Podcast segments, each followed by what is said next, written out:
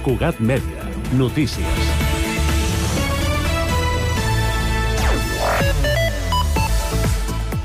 Bona tarda. La CUP critica la manca d'ambició en la proposta d'ordenances fiscals que ha presentat l'equip de govern, format per Junts i Esquerra, i considera que el debat està segrestat després de l'aprovació inicial feta en el darrer ple municipal amb els vots a favor també del PP i de Vox. I és que els copaires creuen que es podria fer alguna pujada relativa d'impostos relacionats, per exemple, amb l'IAE o l'ICIO, que són els que afecten les activitats econòmiques de les empreses i les construccions i obres, entre d'altres. El cementiri de Sant Cugat amplia l'horari amb motiu de la Diada de Tots Sants. L'espai estarà obert a les visites aquest dimecres 1 de novembre de 9 a 6, de 9 del matí a 6 de la tarda. A més, l'Ajuntament ha habilitat per aquest dimecres un servei especial d'autobús per als desplaçaments al cementiri. El recorregut connecta amb diferents parades la plaça de Sant Francesc amb el cementiri amb una freqüència de pas de mitja hora. Totes les escoles del país, també les de Sant Cugat, inicien aquest dilluns una nova convocatòria per a les eleccions del Consell Escolar dels centres. Al Consell Escolar hi ha representats tots els col·lectius que intervenen en la comunitat educativa, direcció, professorat, alumnes, personal d'administració i serveis, així com membres de l'AFA i famílies. Els membres del Consell Escolar són escollits per a un període de 4 anys i es renoven per meitats cada dos anys. El calendari, fixat per la Generalitat, marca aquest dilluns, 30 d'octubre, com, inici, com l'inici del procés, que ha de tancar-se el 24 de novembre, que és el darrer dia de votacions, per poder constituir els nous consells escolars no més tard del 19 de desembre. I aquest dilluns 30 d'octubre és el Dia Mundial del Fisioculturisme i Sant Cugat té un vincle molt especial amb aquesta modalitat esportiva amb una parella d'èxit, Joana Romano i Mario Leal. Romano aglutina molts èxits després de sumar campionats d'Espanya i el Mundial del 2014. A més a més, ha guanyat, acaba de guanyar la Lliga Professional dels Estats Units, la millor competició mundial sota la direcció de Leal. Aquest binomi esportiu fa 26 anys que es manté i també són parella des de fa 27 si, hem, si han arribat tan lluny, diuen, és perquè tenen les coses ben diferenciades. Han ressaltat els dos en un reportatge de Cugat Mèdia que serveix per conèixer els entrenaments i la metodologia emprada per arribar a l'èxit esportiu. Cugat Mèdia, la informació de referència a Sant Cugat. 4 i 3 minuts. Comença el Connectats.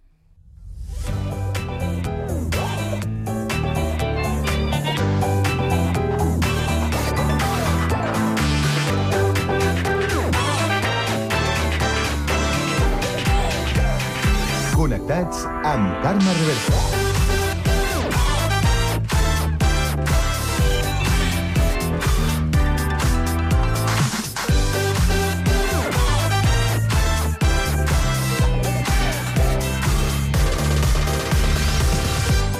Molt bona tarda, salutacions i benvinguts un dia més al magazín de tarda de la xarxa. Aquest Connectats de l'àrea metropolitana de Barcelona, que fem Ràdio Sant Cugat, Ràdio Sabadell, la Ràdio Municipal de Terrassa, el Prat Ràdio, Ràdio Ciutat de Badalona i Ràdio Castellà. Una salutació de tot l'equip, conduït a la part tècnica per Pablo Palenzuela, Jessica Rius a la producció i de qui us parla, Carme Reverte. Avui és dilluns 30 d'octubre i volem saber quin temps ens espera aquesta tarda. Lluís Mi Pérez. Bon dia, comença la setmana amb temps més aviat dinàmic, amb més núvols aquest matí, però s'estan trencant en gran mesura a hores d'ara. Sí que ha anat plovent una miqueta a les comarques de Lleida, sobretot cap al Pirineu, i a hores d'ara hi ha algun ruixat que s'escapa cap al prelitoral tarragoní. Són ruixats molt localitzats i que també s'aniran escampant per d'altres comarques de la Catalunya central o, per exemple, del prelitoral barceloní. Sempre entremig també de clarianes o de núvols prims. I una temperatura que ha baixat una miqueta, però encara és molt suau, sobretot arran de mar, també a les comarques de Girona, amb una mica de vent que una altra vegada aquestes immediates hores es tornarà a reforçar, sobretot a l'interior gironí i al sud de la Catalunya central. El dimarts comportarà més fred, sobretot al matí sentirem una bona davallada del mercuri, moltes mínimes a l'interior per sota dels 10 graus, i demà amb més vent al matí, sobretot a la Catalunya central i comarques de Tarragona. Demà a la tarda vent més feble, tot plegat amb cel simplement emblanquinat, sobretot per la tarda. Us seguirem a la xarxa.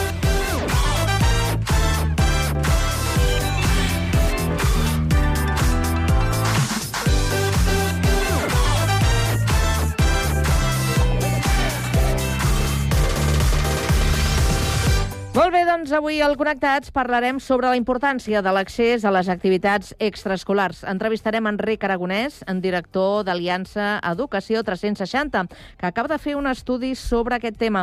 Acabarem la primera hora amb la tertúlia esportiva dels dilluns per parlar del clàssic i d'altres temes relacionats eh, pràcticament amb l'actualitat futbolística. A partir de les 5 coneixerem la terrassenca Àngels Mestres, creadora de contingut audiovisual. Continuarem amb ciència per parlar dels subproductes industrials com una oportunitat per reduir el CO2 a l'atmosfera.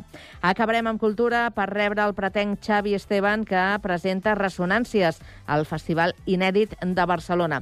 Tot això i més des d'ara i fins a les 6 de la tarda a la vostra emissora local. Connectats? Comencem.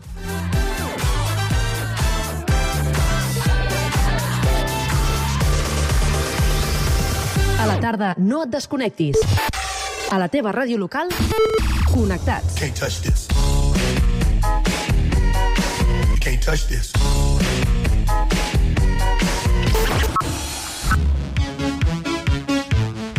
Can't touch this. Can't touch this. Connectats amb Carme Rebell.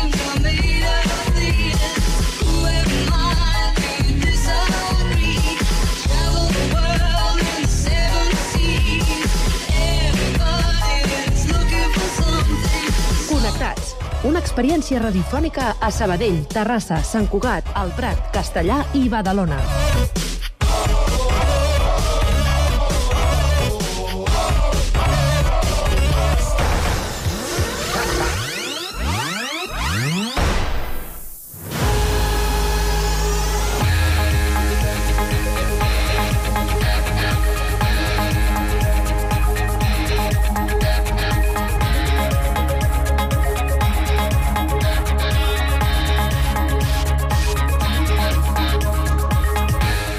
I a les 4 i 7 minuts ens actualitzem, ho fem amb la ronda d'actualitat que us presentem a aquesta hora de la tarda. Des de Terrassa, Sergi Estapé, bona tarda. Bona tarda. Ha nascut Reitadis, la primera xarxa espanyola d'investigació en tecnologies TIC per a l'esport i la salut, liderada per l'Escola Superior d'Enginyeria de Terrassa de l'OPC i coordinada per l'investigador Raúl Fernández García. La presentació d'aquesta xarxa pionera a Espanya va comptar amb la participació de més de 60 científics de les set universitats espanyoles. La tecnologia coneguda com a Portable permet que determinats objectes que porten sempre a sobre puguin exercir altres funcions diferents per les que van ser dissenyats. Ara mateix la UPC està treballant sos tèxtils a la roba dels esportistes per detectar l'esforç dels entrenaments.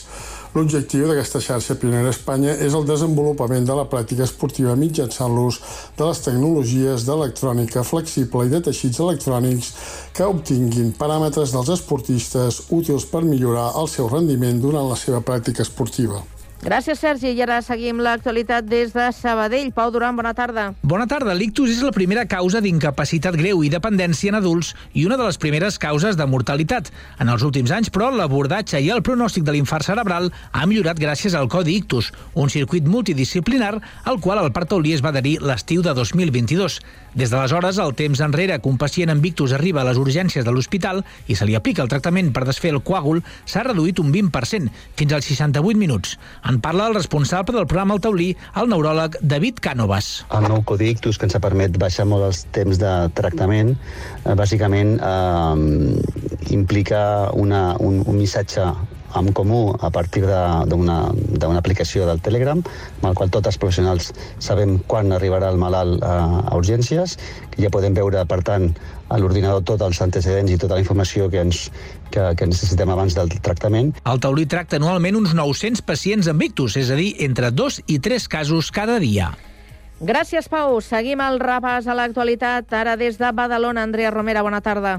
Bona tarda, Carme. Comencen les tasques d'instal·lació de l'arbre de Nadal de 40 metres d'alçada a la plaça President Tarradellas al Gorg. Uns treballs que, en funció de la pluja, podrien estar enllestits entre diumenge i dilluns vinent. Un camió s'ha encarregat de traslladar les primeres peces de l'arbre gegant i els operaris les han descarregat amb l'ajuda d'una grua de gran tonatge. I és que les dimensions són l'equivalent a un bloc de 13 pisos. De fet, pel seu transport i instal·lació es requeriran fins a 10 tràilers. Segons el batlle, Xavier García Albiol, amb l'acte d'inauguració el proper 18 de novembre arrencarà el Nadal a Catalunya. Una aposta segura per atreure visitants i situar Badalona al mapa. L'escoltem. Cop estigui muntat a l'arbre i puguem donar el tret de sortida el dia 18 de novembre amb la inauguració d'aquest arbre, doncs aquell dia, en aquell moment, començarà el Nadal a Catalunya, amb l'arbre més alt de l'univers. Molt content que Badalona es converteixi en la ciutat referent del Nadal en el país, ens permeti també donar a conèixer una ciutat que és espectacular, amb una gran oferta gastronòmica, econòmica, i jo crec que dona magnitud de l'aposta i de la il·lusió que tenim per aquest projecte. L'acte d'inauguració, previst pel dissabte 18 de novembre, es retransmetrà en directe per Televisió de Badalona a partir de les 6 de la tarda. Gràcies, Andrea. I el Prat de Llobregat avui, que és notícia? Lluís Rodríguez, bona tarda. Bona tarda. La imatge permanent de la directora pretenca Laura Ferrés ha guanyat l'Espiga d'Or a la millor pel·lícula. El seu primer llargmetratge, rodat íntegrament al Prat, és el primer en català en guanyar aquest certamen de cinema de Valladolid. D'aquesta manera, Ferrés suma un nou reconeixement després de guanyar el Goya, el Gaudí i també ser reconeguda a la Setmana de la Crítica de Canes amb el seu primer curtmetratge Los Desheredados del 2017. Després de la Seminci, la imatge permanent s'estrenarà el proper dilluns 13 de novembre en el marc d'un altre festival, l'Alternativa del Centre de Cultura Contemporània de Barcelona i abans del seu passi ja pels cinemes el dia 18 de novembre. Gràcies, Lluís. Tornem al Vallès i ara des de Castellà, Guillem Plans. Bona tarda. Bona tarda. L'atleta castellarenc Jordi Torrents té la intenció de retornar a l'èlit de l'atletisme. Ho va fer de moment amb una quarta posició en la cursa dels bombers de Barcelona, després d'11 mesos d'inactivitat per lesió. El de l'equip Viquila ha passat l'últim mes entrenant en alçada a Font Romeu per recuperar la forma. Torrents, que ha passat per un calvari de lesions en els últims temps, va marcar un temps de 29 minuts i 30 segons a la cursa a Barcelona. Va ser el millor català de la cita, tot millorant el seu registre de l'any passat. Gràcies, Guillem. I des de Sant Cugat us expliquem que l'associacionisme de la ciutat és ben viu. Aquest cap de setmana s'ha posat de manifest amb la celebració de la 48a Festa de Tardor. Ha estat una gran trobada on les associacions locals s'han pogut acostar a la ciutadania amb la tradicional Fira d'Entitats a la plaça d'Octavià o amb les nombroses actuacions culturals a peu de carrer.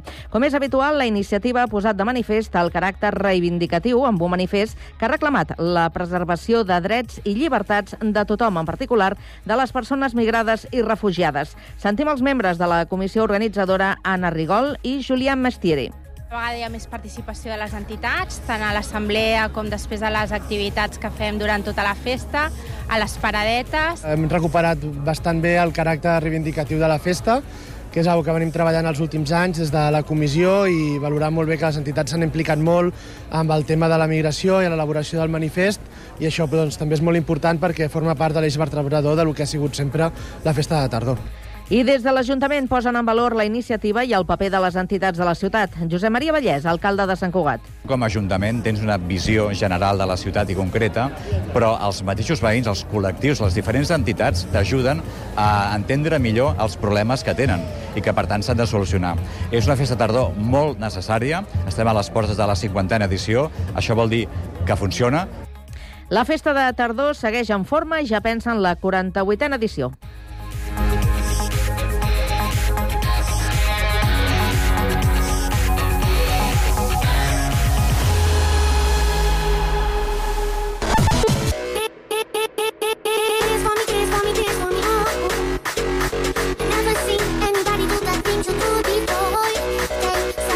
Connectats, una experiència radiofònica a Sabadell, Terrassa, Sant Cugat, El Prat, Castellà i Badalona.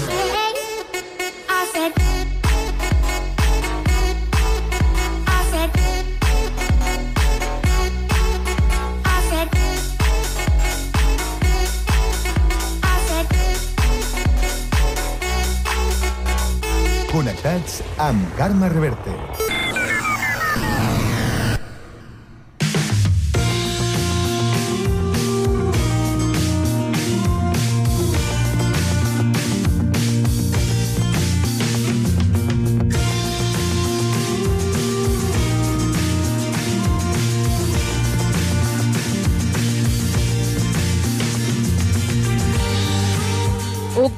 És el mes en què els infants han començat les activitats extraescolars. A Catalunya, però, 140.000 infants i adolescents entre 6 i 15 anys en queden exclosos aquest curs fet que eixampla la bretxa educativa.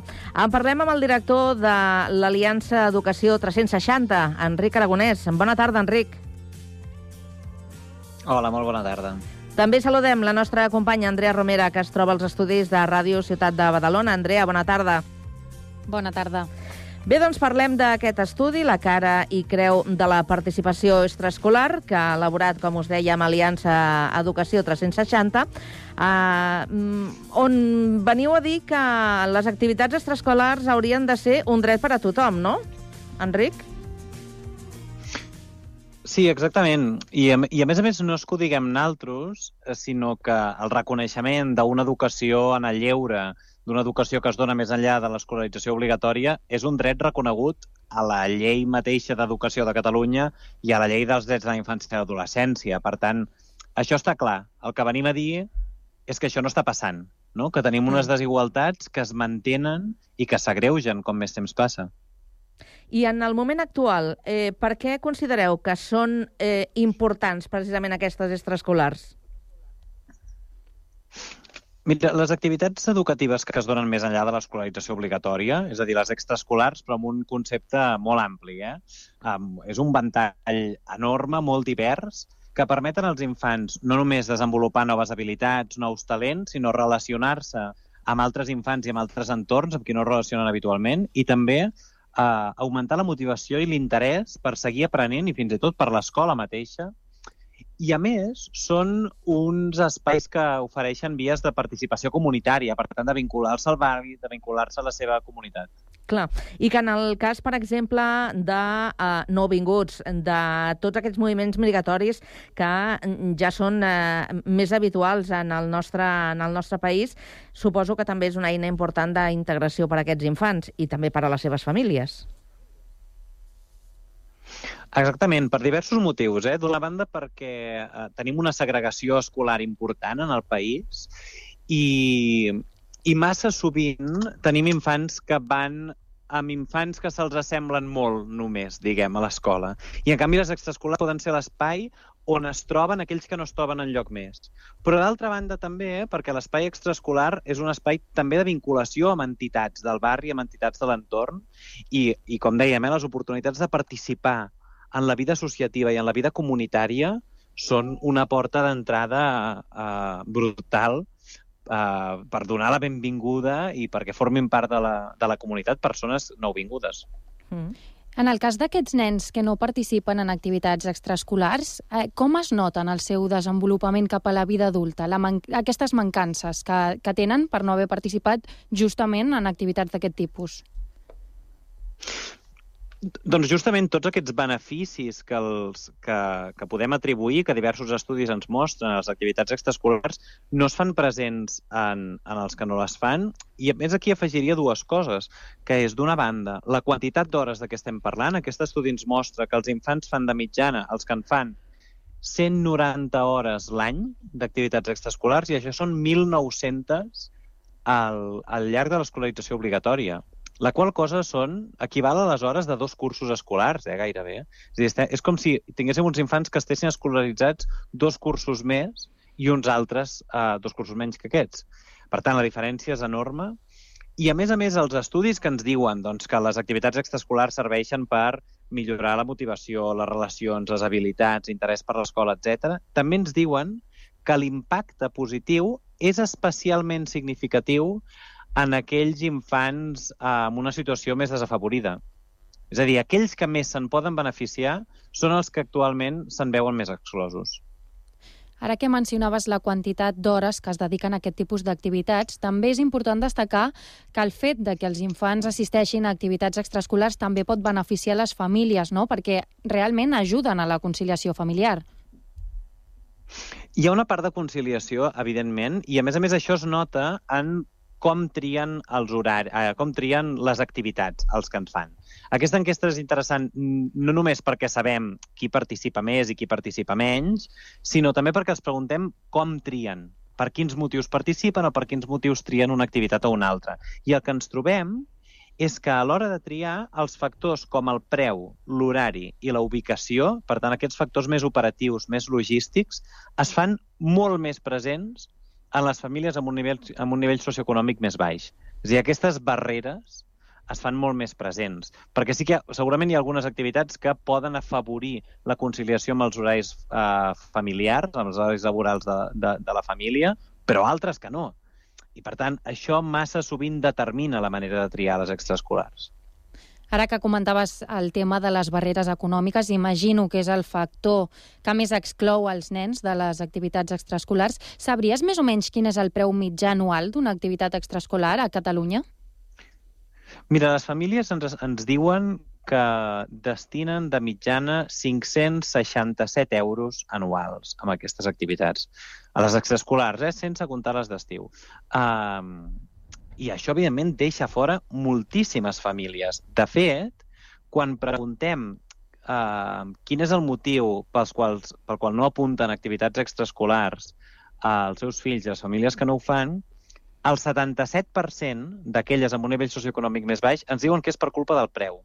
És a dir, és evident que les barreres són diverses i no són només econòmiques, també són informatives, són logístiques, són de territori a vegades, de geogràfiques, però el preu és la principal amb les famílies amb un nivell socioeconòmic més baix. I amb uns preus com aquests que estem dient, 567 euros, doncs evidentment és, és, um, és fàcil d'arribar a aquesta conclusió. A l'estudi mencioneu també les barreres culturals i geogràfiques. De fet, ara mateix les acabes de mencionar. Ens podries posar alguns exemples d'aquestes barreres per entendre una mica millor en què consisteixen? Sí, és a dir, ens hem de preguntar per què les famílies, algunes famílies, no acaben portant els fills a activitats extraescolars. Hi pot haver una part que sigui perquè no ho poden pagar, però també hi pot haver una part que sigui, per exemple, perquè les beques o el sistema d'inscripció té unes dificultats burocràtiques molt complicades que, que deixen fora justament aquells a qui més haurien de beneficiar les beques i les activitats. Pot ser que no n'estiguin prou informades, perquè una, una, una altra conclusió que traiem amb aquest estudi és que l'orientació, és a dir, qui et recomana quines activitats has de fer i com aprens quines activitats hi ha al teu entorn, passa sobretot, gairebé exclusivament, per canals informals. És dir, l'escola només és el 9% dels casos, que és l'escola qui recomana activitats, i només el 8% que és l'Ajuntament. Amb la resta és perquè t'ho ha dit un amic o perquè tu estàs al cas o perquè una altra família t'ho ha dit. I, per tant, eh, estem deixant en un àmbit molt d'informalitat la informació sobre les activitats extraescolars.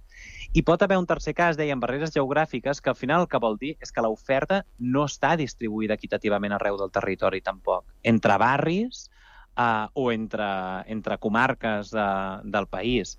De fet, hi ha altres fonts, com l'enquesta de salut de Catalunya, que ens diu que el, la participació en activitats extraescolars, eh, amb, per exemple, entre barris de Barcelona, que té el detall, a, a, en uns barris pot triplicar la participació en altres barris.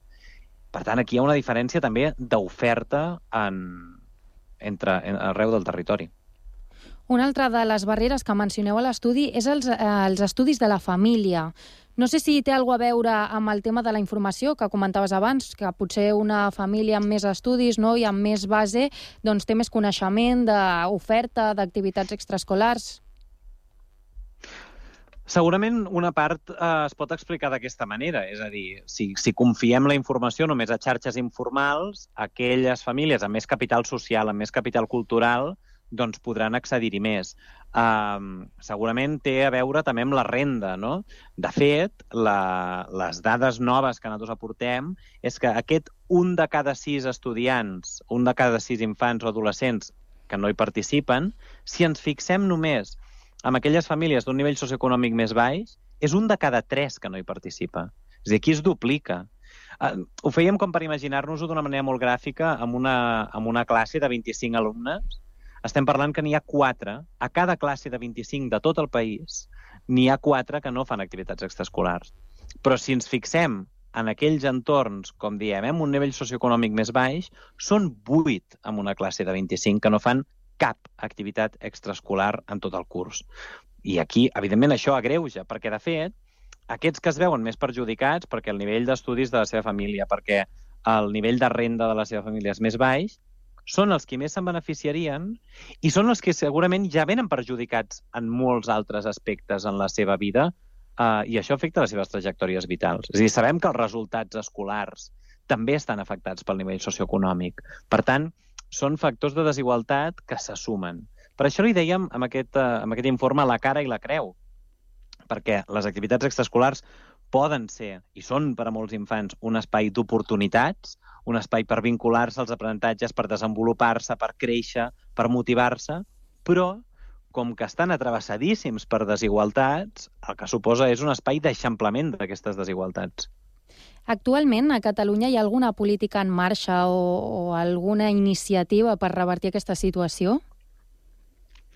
D'iniciatives n'hi ha forces i, de fet, eh, són cada vegada més ajuntaments que entenen que, que poden i que han de fer polítiques en aquest sentit, perquè organitzen beques, perquè tenen serveis amb tarifació social o amb gratuïtat, perquè organitzen activitats extraescolars directament a alguns ajuntaments allà on falta oferta, perquè fan campanyes informatives eh, o utilitzen eines com els passaports d'aprenentatge, per exemple, en l'espai fora escola hi ha un ventall molt ampli. El que passa que justament tu deies una paraula clau que és iniciatives. Són iniciatives puntuals, són experiències que alguns ajuntaments han desenvolupat, però no existeix una política a nivell de país que busqui garantir aquestes activitats. I això és el que nosaltres proposem fer amb aquest, amb aquest salt. De fet, com et deia abans, eh, demanàvem l'opinió a les famílies i 9 de cada 10 famílies ens diuen que voldrien que hi hagués una oferta assequible arreu, a totes les escoles del país, una oferta d'activitats extraescolars de qualitat eh, que permetés que tots els infants en tinguessin. Ens demanaven també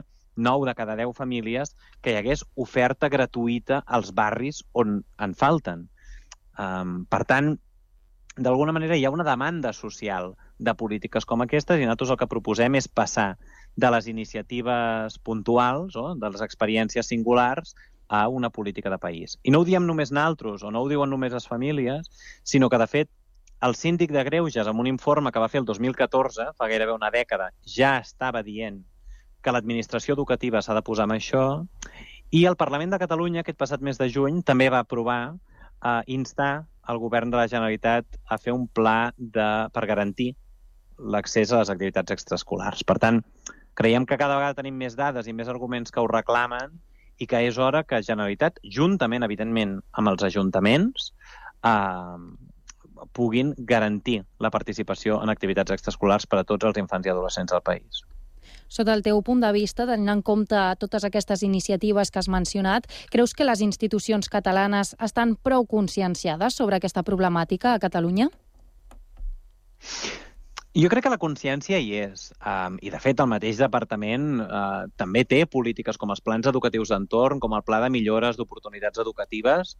El que creiem que ara és el moment, i tenim les eines per fer-ho, per uh, fer un salt endavant i poder fer una política que veritablement busqui garantir aquestes activitats. Jo crec que el sentit comú que l'educació va més enllà de l'escola s'està estenent cada vegada més i per mi la conseqüència inevitable és que si l'educació es dona dins però també fora de l'escola. I les desigualtats educatives es donen dins però també fora de l'escola, les polítiques educatives s'han de cuidar del que passa dins però també del que passa fora de l'escola.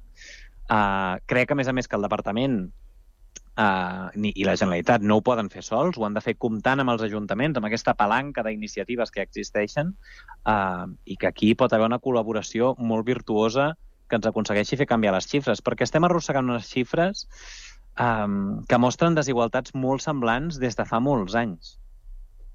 Unes xifres, Enric, que, per cert, que podrien eh, augmentar, podrien anar a, a l'alça, tenint en compte que tu ara ens explicaves que un dels eh, factors eh, que, que repercuteix directament en, en, en aquesta situació és el factor econòmic i que cada vegada trobem que hi ha més famílies eh, que estan en precari.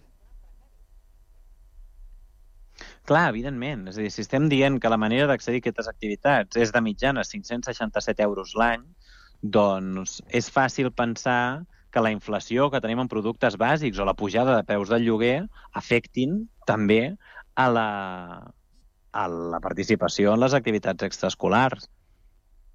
Per tant, eh, sí o sí, eh, la solució hauria de passar per eh, aplicar unes polítiques a nivell general, no?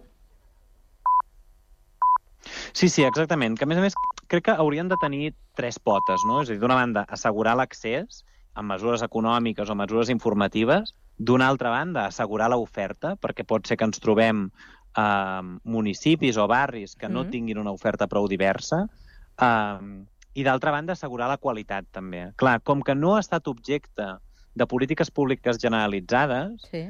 L'àmbit extraescolar és un àmbit molt desregulat i molt atomitzat. No? Tenim una oferta molt rica, molt variada i molt interessant i valuosa, però està molt desarticulada i no, no tenim ni tan sols prou coneixement sobre, sobre quin nivell d'oferta tenim.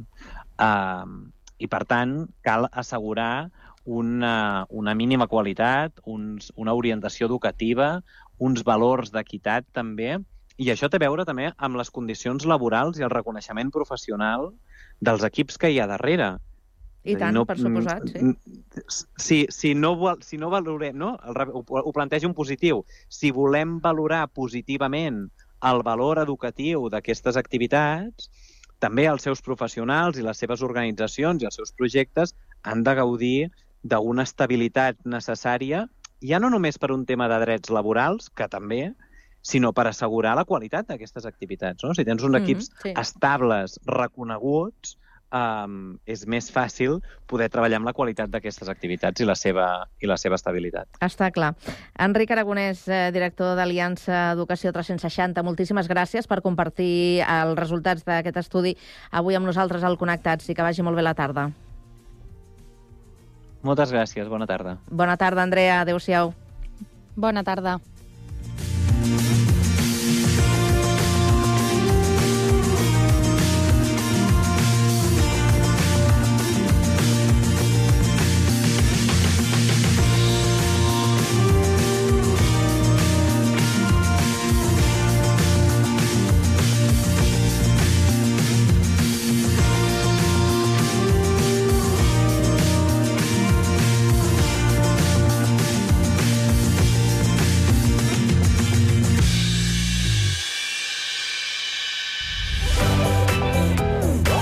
Connectats. Una experiència radiofònica a Sabadell. Ràdio Sabadell, 94.6. Terrassa. Ràdio Municipal de Terrassa, 95.2. Sant Cugat. Ràdio Sant Cugat, 91.5. El Prat. El Prat Ràdio, 91.6. Castellà. Ràdio Castellà, 90.1. I Badalona. Ràdio Ciutat de Badalona, 94.4. Cada tarda de 4 a 6, connectats.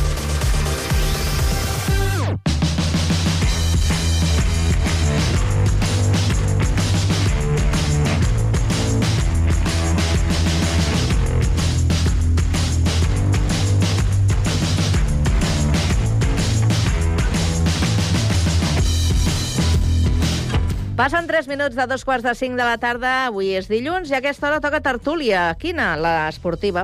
I de què parlarem? Doncs, eh, home, no podem deixar mm, passar l'oportunitat de parlar del clàssic, el primer clàssic d'aquesta temporada. Amb qui ho farem? Doncs amb el César Martínez, que és periodista i el tenim a l'estudi a Sant Cugat. César, bona tarda. Bona tarda, Carme. També ens acompanya Carles Silvestre, atleta, el tenim a Terrassa. Carles, bona tarda. Hola, Carme, bona tarda. Bona tarda a tots. I tenim el Raül Chao, periodista esportiu a Sabadell. Raül, bona tarda. Hola, bona tarda. Bé, ja hi som tots, perfecte. Doncs sí, deia que no deixaríem eh, desaprofitar l'oportunitat de parlar d'un partit que encara que es va jugar un dissabte a una hora a a a l'hora de, de la migdiada, doncs eh, sembla que ja mm, ha, ha plogut una miqueta, eh? Quatre gotes eh, aquesta tarda.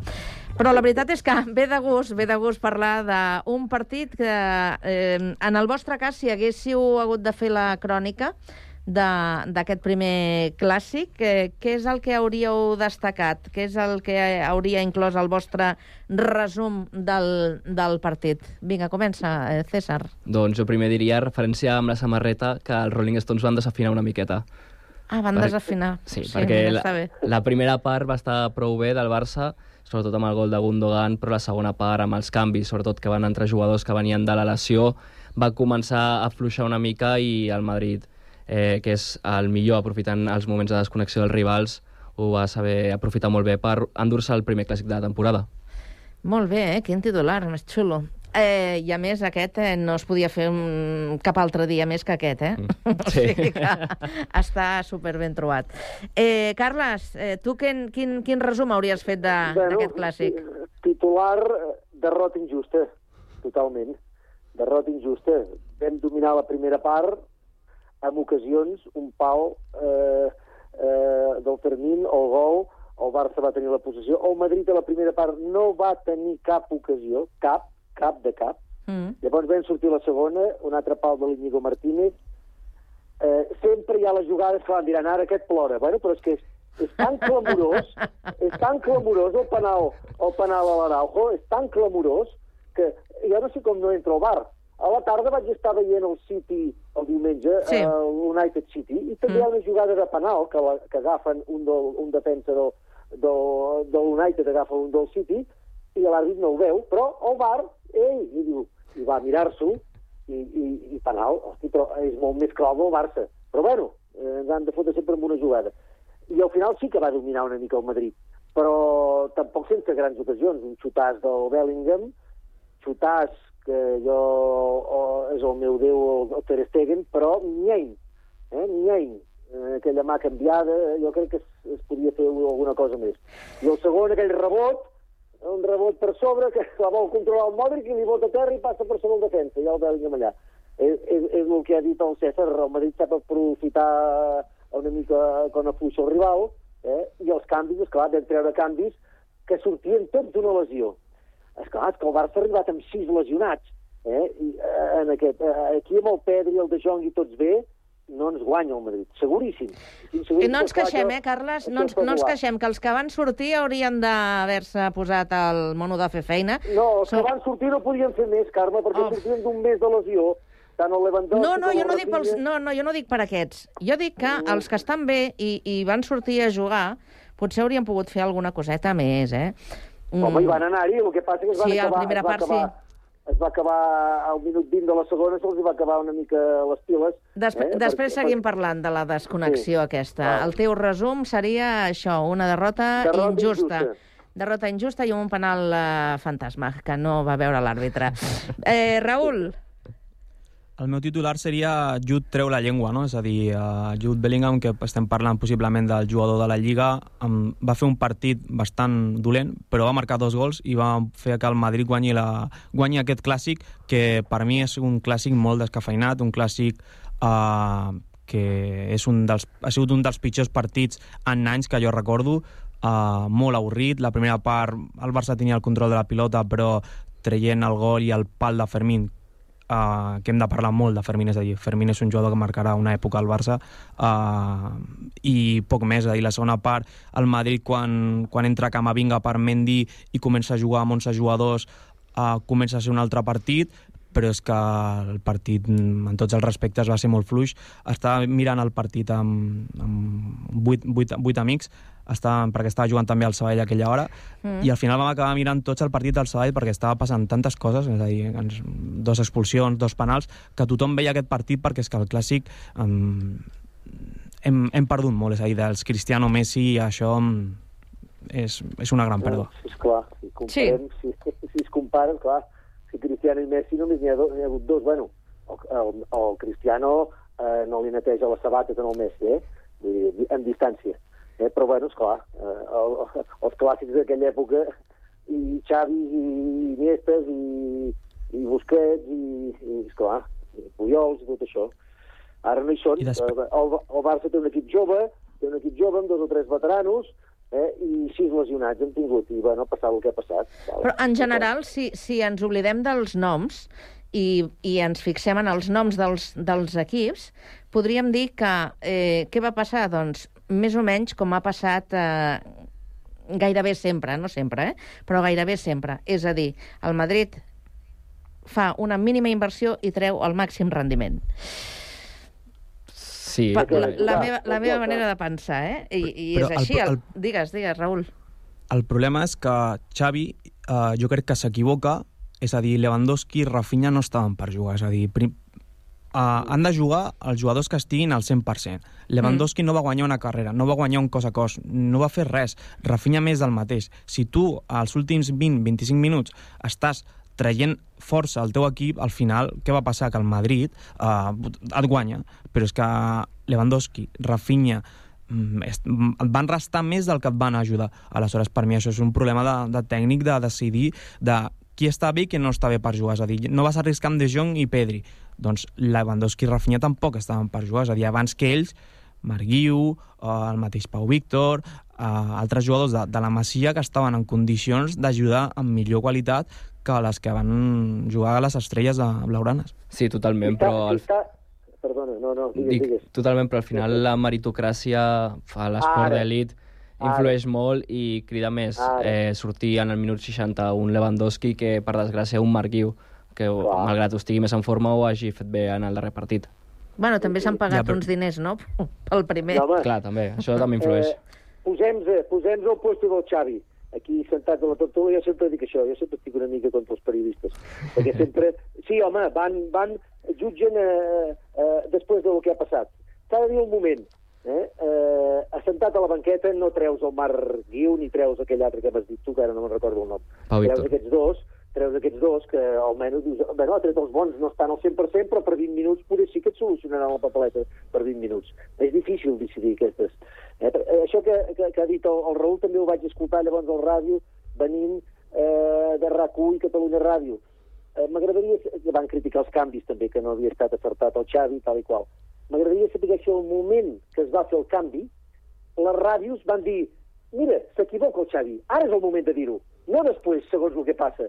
Eh? Perquè si no marquen l'1-2, segur que no hi ha aquestes crítiques. Amb 1-1, bueno, un empat, amb els lesionats que teníem, el Barça ha fet el seu partidet, vale, i cap a casa. Eh? En el moment s'ha de dir. Aquesta és la... Perquè bé, bé que opineu, oi, eh, moltes vegades, doncs en aquell moment, tant el Torquemada com l'altre de rac el Pou, oh sí, no m'agrada gaire aquest canvi que fa, poder si hagués tret aquest, millor. Vinga, estopa, eh? Esto- Estopa pels periodistes. Vinga. Carles, És que és així. Carles, Sí, sí, sí. No, sí, tens part de raó. Carles, jo diria, eh? jo diria, Jo, Jo diria ser que inclús, i Em va, em va frustrar la, la cosa a mi. Vinga, ja està, petit parèntesis. Digues, digues. Dic, Carles, que jo, jo, jo això ho diria divendres, és a dir, quan surt la, perdó, dissabte al matí, quan surt la convocatòria, ja saps que aquests jugadors jugaran, és a dir, excepte Condé, que possiblement, a no ser que hi hagi alguna No. lesió, eh, no jugarà. La resta, tant Lewandowski com Rafinha, jugarien segur uns minuts que estarien apalaurats amb el, amb el cos tècnic.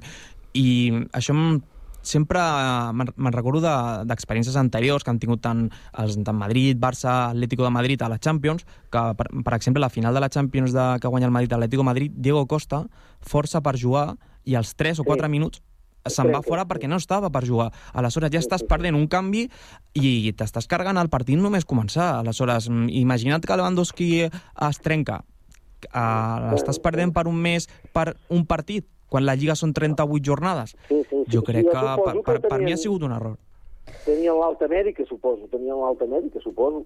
Sí, i don, però, sí, però tot i tenir l'alta mèdica, deien que estava per jugar, doncs, eh, uns minuts. Ara Sí. no recordo exactament. A veure, o estàs per jugar mm, tots els minuts, és a dir, o estàs al 100% Mm. o no ho estàs. I, i aquí, Totalment. efectivament, si no el que fas és posar en risc eh, doncs, eh, la, la salut d'aquell jugador que, Sí, sí. com s'acabi de, de trencar o recaigui, doncs el tens un altre cop de baixa mm, per, per unes quantes setmanes més. Sí, és um... Clàssic, els jugadors s'impliquen, volien sortir, Sí. llavors si, si no surten diuen se, borr se ha borrado. Eh? Se ha borrado. sí, sí, eh, Lewandowski se ha borrado. Eh, per cert, eh, teniu clar la jugada del penal que abans apuntava el Carles?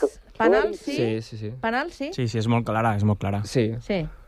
Tots els del xiringuito, que són merengons de matar, tots, eh, tots aquella colla de aquella patolera que tenen allà, eh, que tota aquella colla, tots han dit penal, el calvo, el duro, l'altre, bueno, tota la colla aquella. El calvo, el que tenia pèl, el que... I escolteu una cosa, i això, ara riem, eh, però hi ha, hi ha una cosa que, hi ha un tema que ja la setmana passada no vam poder introduir i avui aprofitarem, ja que també doncs, eh, vam poder veure alguna actitud així una mica eh, reprovable en el partit amb el, amb el Real Madrid i, i és el, el davanter del Real Madrid, Vinicius. El gran Vinícius. A, a veure, pot ser eh, el, el gran jugador que, que, que vulgueu, però jo... Eh, a veure, un esportista ha de tenir uns, uns mínims de, de- d'educació i respecte mm. pel rival, pel públic... Mm, és que és estrany eh, eh, que se'n vagi a un estadi i no surti criticat. Eh, per què? Doncs perquè mm, fa servir una actitud que segurament no és la més correcta no? Eh, I aquests aires de, de provocació, home, només cal veure que el seu entrenador, eh, quan el va canviar, que també se'l podia haver estalviat, aquest canvi en el moment en què es va produir, doncs eh, eh, l'estira com dient "Mm, vés cap a dins i no t'estiguis aquí recreant no? en, la, en, en, en el mal aliè. Sí, En, juguen, en juguen molt de negres a la Lliga Espanyola. Clar. I no passa, i no passa amb cap. Aquest home provoca, està sempre mirant a la grada, no sé què diu amb aquella rialla i aquelles dents, es va tocant l'escut... Bueno, a veure, tots tenim eh, dents i tots eh, riem, Bé, però no, és, perquè, és... perquè se li veuen molt. eh, vull dir, ostres, eh, és que provoca, provoca i és clar, la gent, doncs, eh, moltes vegades no s'aguanta eh, i passa el que passa. Hi ha, hi ha molts de jugadors de negres que juguen i jo no veig que els hi passi a cap més del que els hi passa al Vinícius. no tenen problemes. No, jo crec que el problema de Vinícius... O sigui, eh, fa com gestos provocatius quan en situacions que no està en moviment la pilota o que no fa res. A mi, per exemple, el que fa de filigranes o tal, a mi no em sembla en cap moment provocació, que sempre s'ha titllat molt d'això, o quan estava el Neymar, i jo crec que són les seves qualitats de jugador, però sí que és veritat que Vinícius és un, un jugador que li agrada pues, fer-se veure i inclús encarar-se amb la grada. I això que obri la porta a insults racistes o alguna com ja va passar a València, pues, no està bé. No, no, és que això no ho justificarem. Per això... Estem analitzant la- l'actitud del, del Sí. jugador que, com dius tu, quan està en pilota i està celebrant o està fent el que, el que requereix Sí. en aquell moment el, el joc, doncs no, no li pots retreure No, res. sí Però segur que l'heu vist passejant per la banda quan eh, l'han canviat Mm. i va per la banda mirant la graderia i contestant al, al, al públic. Ah, o sigui, exacte. això és un problema tant pel jugador com per, eh, com per l'equip i, com, i pel club, perquè no hi ha partit que no tingui un, un Mm. problema. I com deia el Carles, hi ha un munt de jugadors a la Lliga Espanyola que, que són negres i no tenen cap problema.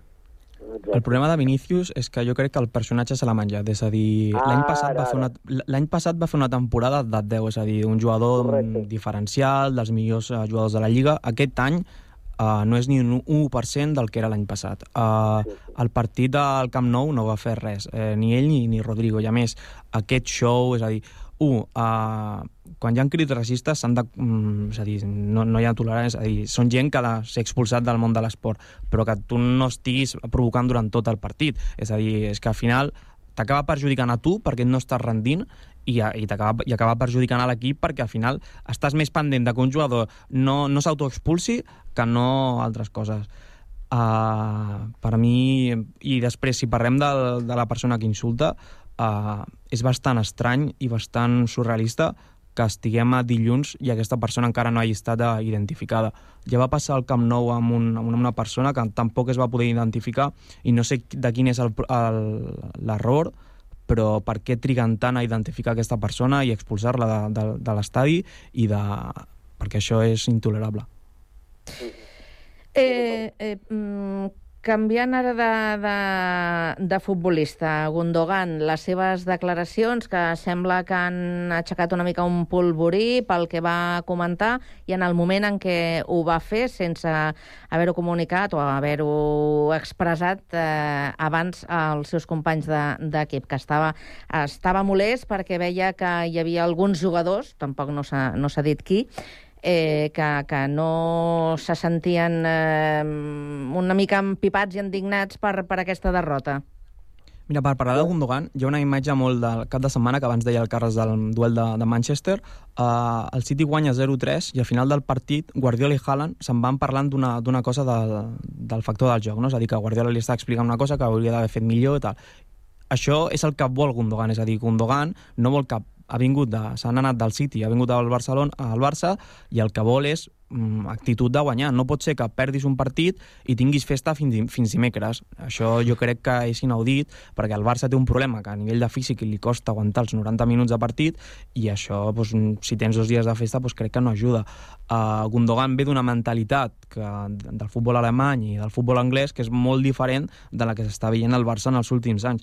I jo crec que aquestes paraules han d'anar molt bé, sobretot al vestidor del, del Barça, perquè no pot ser que el teu entrenador estigui dient que durant 90 minuts van ser superiors i el un dels teus jugadors estrella vinga a dir totalment al contrari, sobretot que això, l'actitud, que després del partit, joder, mira Gavi, Gavi estava plorant al final del, del partit, Mm, no, no, no, no podem exagerar tant, però ostres, una mica de- d'emprenyament perquè has perdut contra el, te, el teu màxim rival. Sí, sí correcte. Jo, jo estic molt d'acord amb tu, el que deia Raül. Sobre les declaracions que va fer el Gundogan m'han semblat excel·lents, perquè també fica això a principi de temporada, que estem encara, un toc d'atenció per al que queda, pels partits importants que venen de Champions, perquè ningú es confiï, que tot i ser el Barça encara queda molt de feina per fer. I després també el Gundogan amb aquestes declaracions potser l'han servit per eh, treure a sobre, com a, hi havia molta gent de premsa o parlant, de que Gundogan venia aquí a Barcelona a fer paelles i estar a la platja. I no, Gundogan ve aquí a guanyar títols amb el Barça i seguir lluitant per, per sigui una Champions o el que sigui. Sí, sí, sí, va ser un dels millors del partit.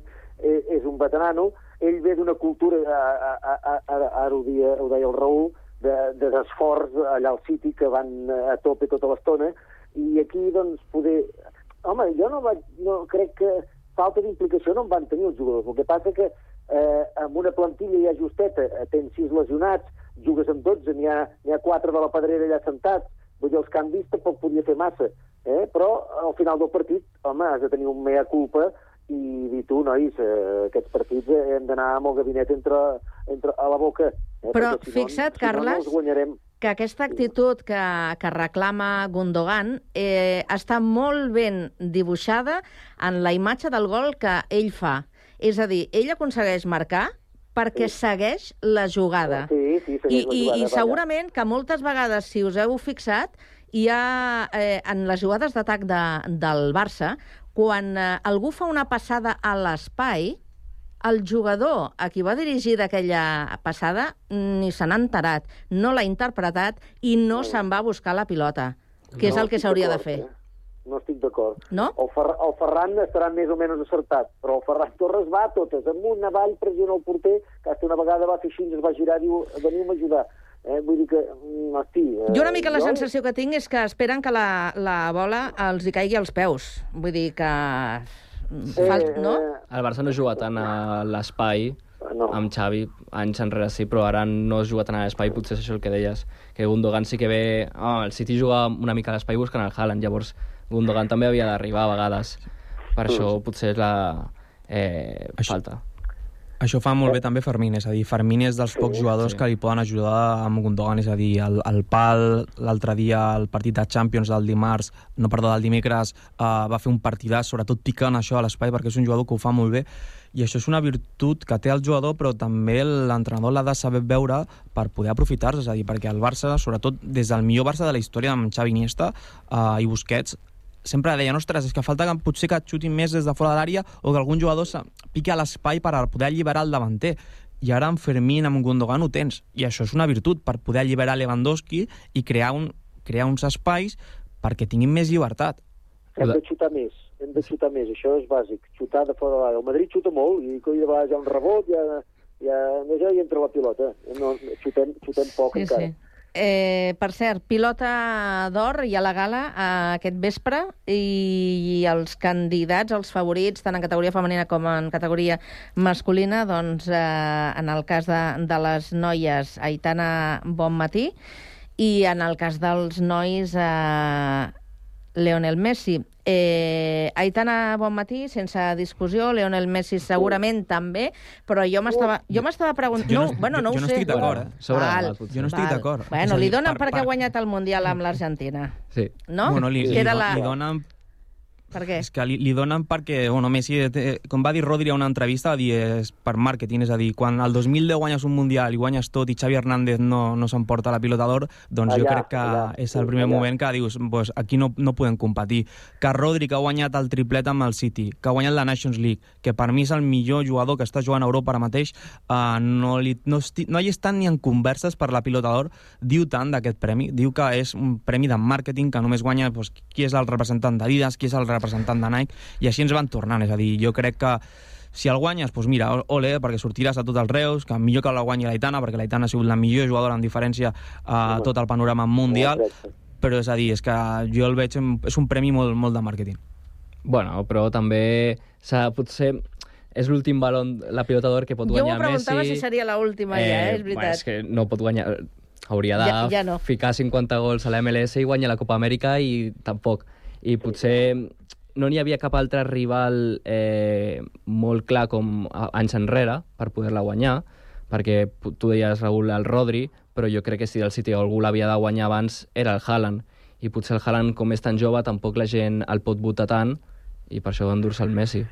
tret, tret, tret d'un any, tret de l'any que has dit tu del Xavi l'Iniesta que guanyen el Mundial, eh, si ens hem fixat, a l'any de Mundial sempre l'ha guanyat un jugador de la selecció que ha guanyat el, el Mundial, sempre. Mundial prima més que el triplet de, del City. Mm. Ara, això són opinions, és clar. Eh, vull dir, espera't no, que no hi hagi cap sorpresa, que, des que, que aquests que voten hagin dit, hòstia, el Messi ja en té set, escolta, eh, canviem una mica el rol i donem-li al Haaland. L'Aitana no té discussió, l'Aitana no té discussió perquè ha guanyat tot i ha sigut MVP tant a la Copa d'Europa com al Mundial, no hi ha cap discussió. Ara, el Messi potser, doncs, bueno, potser sí que acabarà sortint, eh, però ui, podria haver un petit sorpresa, un 5%. Ai, ai, ai, el pitonisso. A mi el que em falta és això, una, un- una mica més de campanya, és a dir, és que veus a Rodri, és el, el, sempre que és, és un Home, pivot, és a dir, els migcampistes sempre no, no, no Sí. tenen aquest reconeixement perquè sempre uh, els davanters han de tenir el premi, doncs no, és a dir, si un migcampista és molt important i eh, tant Guardiola ho ha dit, uh, Luis de la Fuente també, és a dir, és que Sí, sí, Rodri home. és un top. Ja, però el, el guanyant qui fica els gols al final? Bueno, Molt qui, qui va marcar el gol a la final de la Champions? Sí, però... I qui va ser l'MVP? Bueno. Vale, dona raó. Surt, surt, sortirem de dubtes aquest vespre. Eh, gràcies als tres, que tingueu una molt bona setmana. Vale. Igualment. Adéu-siau. Adéu. Una, una abraçada.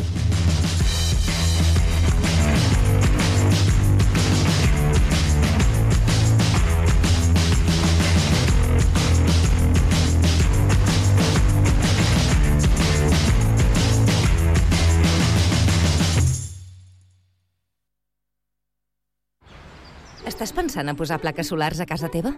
Doncs passa't a l'energia solar de manera fàcil i segura amb la teulada, experts en energia solar i el nou espai d'assessorament per a la ciutadania i les empreses. Informa't a la teulada arroba amb.cat o contacta'ns per WhatsApp al 645 725 465. La teulada és un servei de l'AMB finançat amb el Fons Europeu de Desenvolupament Regional. AMB, Metròpolis de Barcelona. No és el mateix ser els integrants del millor grup de la història que ser el millor grup de la història. Per això, el grup català Occident serem Occident, perquè per continuar assegurant-ho tot, tot i tot, ens havíem d'ajuntar tots, tots i tots. Entra a seremoccident.cat. Ràdio Sant Cugat. 91.5 FM. I was out on the road late at night. I seen my pretty Alice in every headlight. Alice. Dallas, Alice. And I've been from Tucson to Tucumcari to Hatchapee to Tonopah.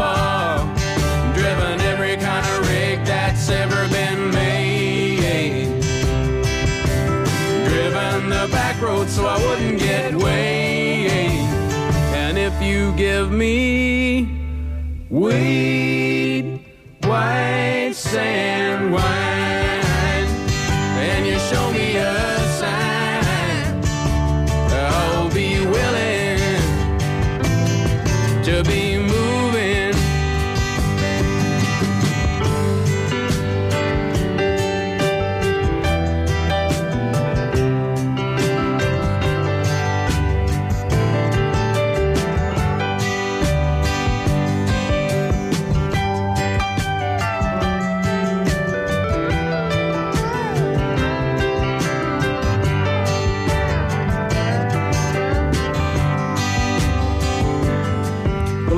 kicked by the wind, robbed by the sleet, had my head stoved in, but I'm still on my feet, and I'm still.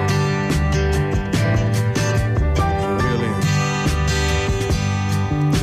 Smuggled some smokes and folks from Mexico, baked by the sun every time I go to Mexico.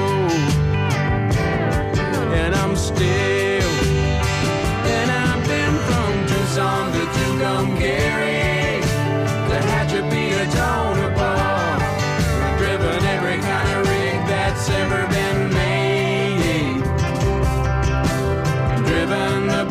road so I wouldn't get weighed. And if you give me